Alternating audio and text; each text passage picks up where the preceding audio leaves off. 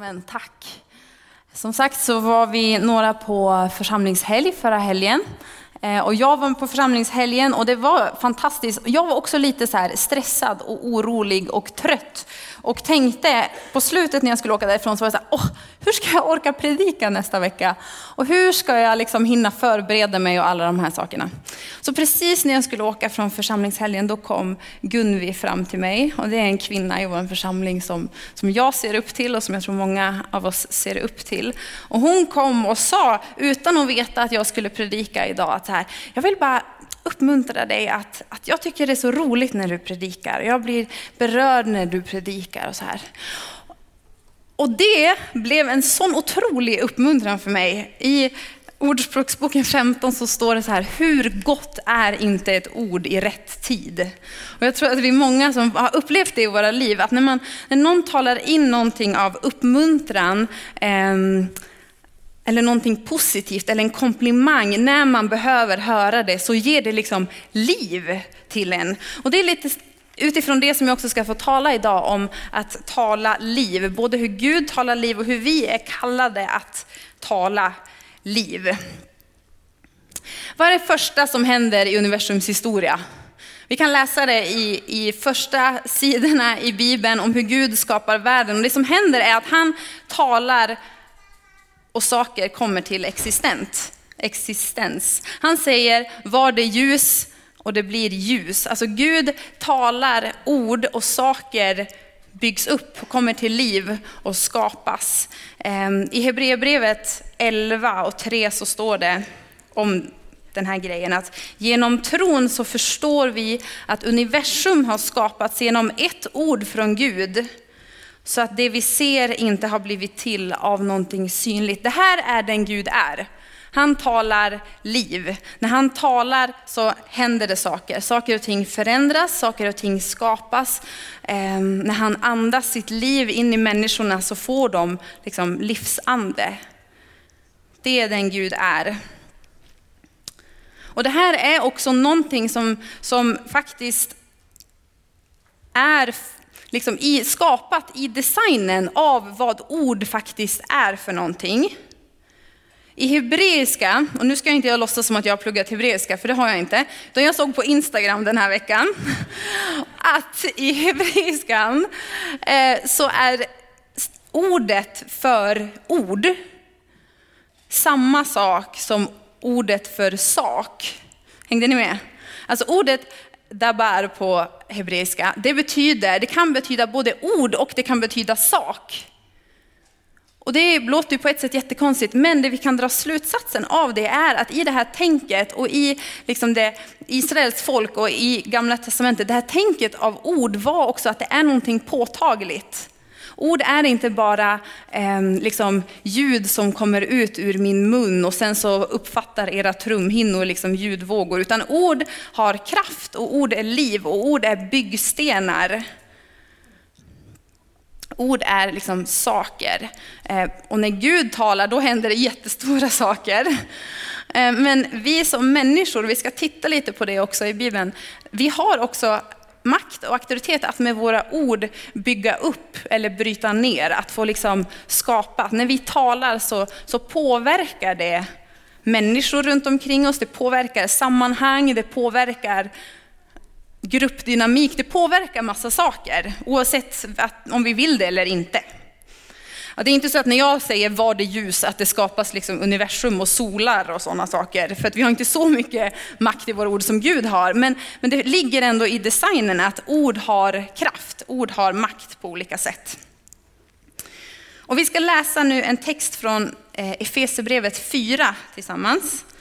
Eh, vers 29 och 30. Det finns ganska många eh, ord i Bibeln där och särskilt i Nya Testamentet, där författare liksom förmanar de kristna att ni måste tänka på hur ni använder era ord. För att de har makt och de har kraft och de på något sätt visar på vilka ni är. Så i Efesierbrevet 4, vers 29 och 30 så står det så här. Låt inga smutsiga ord komma över era läppar, utan bara det som är gott och bygger upp där det behövs så att det blir till glädje för dem som hör det. Bedröva inte Guds helige ande som ni har fått som ett sigill för befrielsens dag. Alltså, låt inga smutsiga ord komma över era läppar, tala bara det som är gott så att det bygger upp de som hör det. Där har vi det igen, att våra ord har makt att bygga upp, att riva ner, att påverka på olika sätt. Och som kristna så är vi kallade att använda våra ord på ett sätt så att det bygger upp de som hör det. Så att det får bli till glädje och till välsignelse. Och det kan ju vara både så här komplimanger, hej vilka fina skor du har, det, det kommer ju med glädje. Liksom. Men också djupare form av uppmuntran och liv, av att så här, hej jag ser upp till dig, jag ser upp till det sättet som du älskar andra människor, hur du så ofta är modig i situationer liksom ord som både ger glädje men som också får bygga upp och får ge liv till andra människor. Och vi kan få välja hur vi använder våra ord så att det får bygga upp och ge liv. Och motsatsen är ju det här då, när vi inte använder våra ord på det sättet, är ju det som vi läste precis. Vad är det som händer? Det bedrövar den helige ande. Jag vet inte hur det är med er, men alltså jag vill inte bedröva den helige ande om jag inte måste. Det är liksom jättetråkig grej. Alltså det, Gud själv blir ledsen, han blir bedrövad när vi talar illa om varandra, när vi talar ord av, av död eller mörker över andra eller över sammanhang. Det bedrövar den helige ande. För att det är viktigt, viktigt för honom. Och det finns ett allvar i det här och Petrus han predikade för några veckor sedan om att vi kommer få lön i himlen för våra gärningar här på jorden. Att en dag så ska vi få stå inför Jesus och vi ska få liksom bli, bli dömda för eh, våra gärningar. Och det står faktiskt också att vi ska också stå till svars för våra ord. Alltså det vi uttalar, det vi säger, kommer vi behöva stå till svars för, för att det är allvarligt. Och i Matteus kapitel 12, vers 36-37, där står det om det. Och där står det så här att varje onyttigt ord som människor talar ska de få svara för på domens dag. Efter dina ord ska du frias och efter dina ord ska du fällas. Och det är ju hårt och det är allvarligt. Jag måste säga, åh nej, jag har ju sagt jättemycket dumma saker. Eh, och som med allting annat så finns det förlåtelse, det finns nåd hos Jesus. Det finns jättemycket nåd och vi vet att vi som har satt Jesus som våran Herre, så vet vi också att han har betalat priset för all vår skuld och all våra missgärningar och allt vi har talat illa om människor. Det finns mycket nåd. Men det visar också på hur allvarligt det här är för Gud. Det är lätt att tänka så här, nej men, så här, jag sa bara det där om den här personen, det var ingen som hörde det, det var ingen som kom till skada. Men det finns ett allvar i hur vi använder våra ord och oavsett om en människa tar skada av det eller inte så bedrövar det den heliga ande. Och det här behöver vi ha med oss. Ehm, och det är lätt att man nu så här tänker så här, åh, hur ska jag göra det här? Nu, nu måste jag skärpa mig. Jag vet ju de här sakerna. Jag vet ju att jag inte ska snacka skit. Jag vet att jag inte ska dra sarkastiska kommentarer. Jag vet att jag inte ska skoja på folks bekostnad. Liksom. Så nu måste jag skärpa mig. Nu är det dags att jag ska bli liksom en bra kristen. Um, och det finns någonting i att vi behöver ju faktiskt aktivt agera. Det står ju där, låt inga smutsiga ord komma över en tunga. Så vi har ju en makt av att jag kan ju bestämma vad jag säger och inte. Men det handlar om någonting mer än så. Jesus kallar oss aldrig till att rycka upp oss själva. När jag var, jag tror att jag har sagt det här någon gång förut i någon predikan, alltså när jag var typ 15 år, då var jag och min kompis, hon var, eh, hade precis blivit kristen eh, och jag hade varit det ett tag och vi hade insett det här, man ska inte snacka skit och man ska inte svära om man ska vara en bra kristen. Så vi gjorde liksom en pakt att så fort någon av oss snackade skit eller svor så fick den andra slå på armen liksom, som ett straff. Och det här höll vi på med i några veckor. Eh, den ena blev liksom blåare än den andra. Men ingenting förändrades egentligen. Förutom att det byggdes upp någon slags rädsla i en. Um, ingenting förändrades egentligen i mitt beteende eller i hennes beteende, utan det kommer ganska mycket fördömelse och blåmärken. Ehm, varför? Jo, för att det var som att vi försökte, vi försökte behandla liksom ytan, symptomen på saker i vår egen kraft. Och för att med liksom strävan att vara, vara duktiga inför Gud på något sätt. Om vi läser Matteus kapitel 12 igen, men några fler verser. Vi börjar lite tidigare i kapitel 12. Från vers 33. Säg antingen att trädet är gott och frukten god, eller att trädet är dåligt och frukten är dålig. För på frukten känner man trädet. Huggormsyngel, hur skulle ni som är onda kunna säga någonting gott? Vad hjärtat är fullt av, det talar munnen. En god människa tar fram ur sitt goda förråd det som är gott, och en ond människa tar fram ur sitt onda förråd det som är ont. Men jag säger er, varje onyttigt ord som människor talar ska de få svara för på domens dag. Det hjärtat är fullt av, det talar munnen. Det hjärtat är fullt av, det talar munnen. Alltså det vi pratar om här, det är liksom ett hjärtproblem.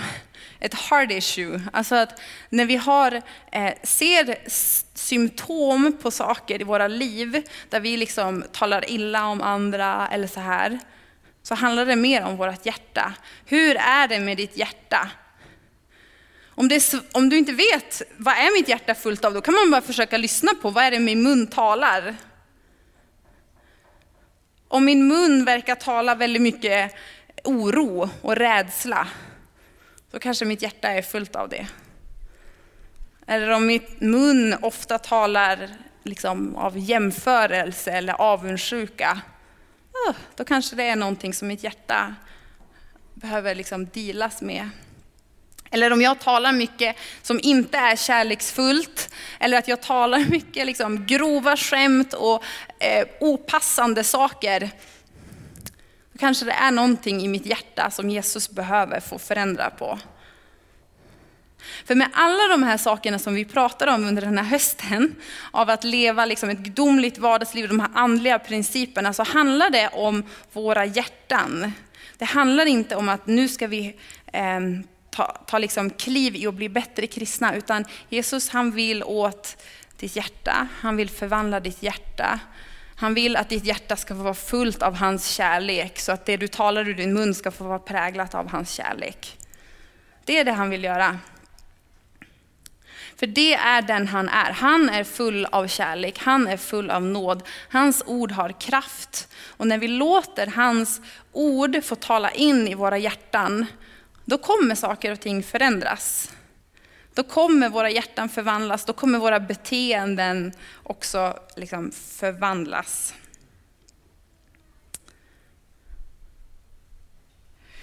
För tänk om, alltså tänk om vi på riktigt, på riktigt skulle förstå vilken gåva det är som vi har fått av Gud, att vi har möjlighet att tala liv in i andra människor. Alltså att vi, att vi har möjlighet att tala liv och ljus och kärlek in i situationer, inte bara som något slags fluffigt härligt, utan som faktiskt påverkar. För det finns alltså studier som är gjorda också om hur, eh, hur positiva och negativa kommentarer påverkar olika former av grupper, relationer, äktenskap och så. Och man kan titta på det djupare. Men det som är liksom generellt för alla de här studierna, det är att man har sett att där det är majoriteten av liksom kommentarer, kritik, eh, samtalsatmosfär eh, som är präglat av någonting som är positivt, det kommer att thriva, det kommer att blomstra, det kommer att växa. Där majoriteten, alltså där det är mer positivt än negativt, där har äktenskap större chans att hålla. Där har team på arbetsplatserna eh, större chans att liksom, eh, ha framgång i det de gör. Alltså det här finns i, i vår natur, det är nedlagt av Gud. Så tänk om vi skulle som individer och som församling i den här liksom världen av död och mörker som vi ser, verkligen skulle få tag och förstå det här att när jag talar så har jag makt att tala liv. Jag har möjlighet och gåva att bygga upp andra människor omkring mig. Det i kombination med att vi liksom ständigt och gång på gång låter Jesus tala in i våra hjärtan, förvandla våra hjärtan. Alltså det skulle bli helt otroligt. Alltså, förstår ni vad mycket kraft och vad mycket eh, av Guds rike som vi skulle kunna få vara med och, och, och breda ut. För det är det vi drömmer om. Vi drömmer om att, att ljuset, att Jesus, att eh, Guds rike skulle få breda ut sig. Och det är ett sånt enkelt sätt att så här, jag får använda mina ord för att förhärliga honom när jag är här på söndagar. Men också i hur jag pratar med andra, hur jag uppmuntrar andra, hur jag talar hopp in i situationer, hur jag talar liv där det bara liksom präglas av död. Så det tror jag att vi alla kan på något sätt ta med oss och utmanas av att så här, okej okay, men Jesus, hur, vad vill du göra i mitt hjärta så att jag kan få tala liv till andra? För dig som är här och som inte eh, ännu har bestämt dig om du vill liksom följa Jesus, så står det så här i Guds ord att den som med sin mun bekänner att Jesus är Herre, alltså den som säger med sin mun Jesus är Herre och med sitt hjärta tror att Gud har uppväckt honom från de döda, den ska bli frälst, den ska bli räddad. Och där ser vi det igen, vilka, vilken makt våra ord har. Att när du säger till Jesus, Jesus jag vill följa dig, jag vill lämna mitt gamla liv av död och mörker och jag vill följa dig och ha del av ditt liv. Då kommer det att ske. Det finns makt i våra ord. Det blir som att vi gör en liksom muntlig eh, signatur till Jesus och säger att jag, jag vill följa dig. Och det kan du göra idag. För Jesus han har dött för dig, han älskar dig och han vill ge dig av sitt liv. Sen idag, nu alltså, så tror jag också att, att Gud på ett speciellt sätt vill, vill tala liv in i oss, in i våra situationer. För vi, har, vi vet alla att vi det är mycket av, av död som präglar vår värld just nu, vår stad just nu. Men vi har också saker i våra liv så där det kan kännas som att det har dött. Eller att det är torrt, eller liksom att jag här, jag är desperat av att, att Gud talar liv in i mitt liv. Att han talar sanning och hopp in i min situation och att han faktiskt talar ord som får förvandla och får skapa och får komma med ljus på det sätt som bara han kan. Och vi kan få, få sträcka oss efter det och vi kan få be honom om det. Och jag tänker faktiskt så att vi ska, vi ska göra en grej tillsammans. Eh, ni kan komma upp, lovsångsteamet, och vi andra kan också vi kan ställa oss upp tillsammans här inne.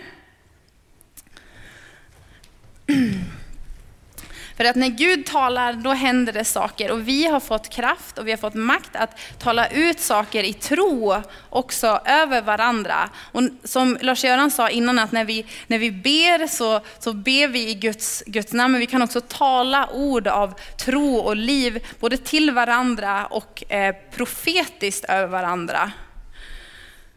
Och innan här, innan gudstjänsten idag så var det några olika saker som jag upplevde när jag bad att, att Gud vill tala liv in i. I oss, i er, i oss som församling. Så vi ska, eh, vi ska be tillsammans och jag ska liksom be ut en del saker. Och det här handlar inte om att, att mina ord har massa makt och kraft eller någonting, utan det handlar om att Gud har vissa saker som han vill tala till oss och vi får ta emot det. Och om du känner att det här är något till mig, så var, var uppmärksam på det. Det heliga ande vill röra i ditt hjärta. Om du bara så det här, jag förstår inte alls vad hon menar. Nej men då släpp det. Det är liksom, som sagt, det är inte säkert att det här eh, behöver vara till dig heller. Så att vi kan blunda tillsammans. Och vi ber och vi tackar dig Jesus.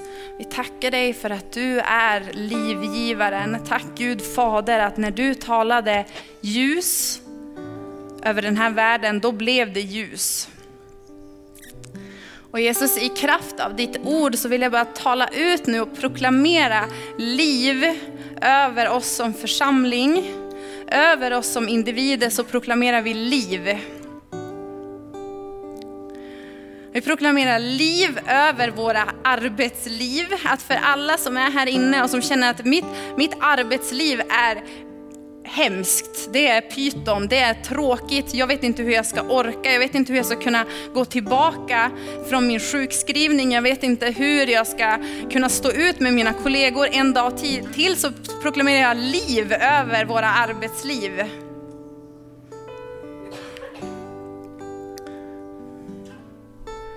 Proklamera hopp Jesus, vi ber om ditt hopp in i alla de arbetssituationer som vi står i.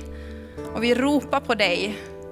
Liv över arbetsliv i Jesu namn. Mm.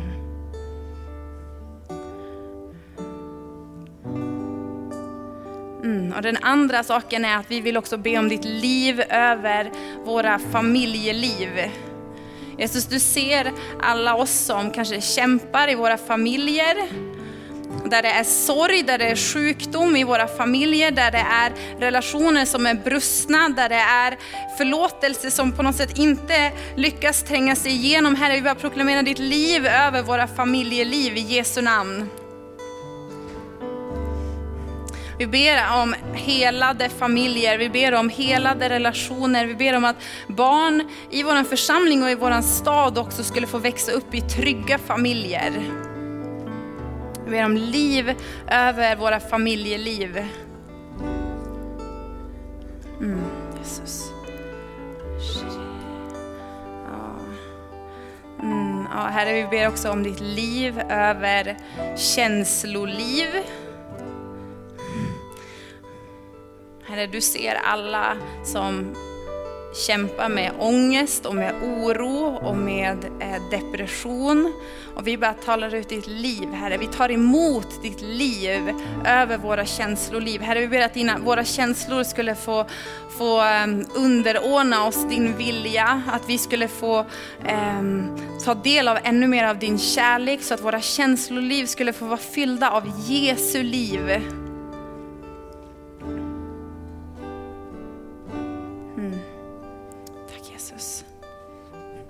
För oss som eh, kan uppleva att det liksom känner sig eh, bortdomnade på olika sätt. Bortdomnade inför på något sätt nöden i världen, bortdomnade i nära relationer. Så bara ber vi om liv, Herre. Om liv, att få känna det du känner. Bara att, att känslor av, av kärlek och hopp också bara skulle få flamma upp ännu mer i våra liv, Herre. Mm. Mm. Tack Jesus. Tack Jesus. Och till slut, jag vill också bara proklamera och vi vill tala ut och vi vill be tillsammans också Jesus om, om liv över kvinnors moderliv i vår församling. Jesus, jag, vill, jag, vi ber för alla Eh, som, som längtar efter att få barn, som kanske inte kan få det, eller som har andra problem med moderliv. Vi talar liv i Jesu namn. Vi talar liv över moderliv i vår församling och i vår stad i Jesu namn. Vi bara ber om en, en, en, en fruktsamhet. Vi ber Jesus om ditt liv Herre. Att allt av död, allt av sjukdom, allt av, av mörker eh, skulle få lämna och att ditt liv skulle få komma och ta över. Och så Jesus, vi nu bara allihop så börjar vi sträcker oss efter mer av ditt liv. Heligande, vi ber att du skulle tala till våra hjärtan. Herre, uppenbara vad i våra hjärtan som, som behöver få präglas av mer av din kärlek. Kom heligande och, och förvandla oss mer lika dig. Vi längtar efter mer av dig. Mm. I Jesu namn. I Jesu namn.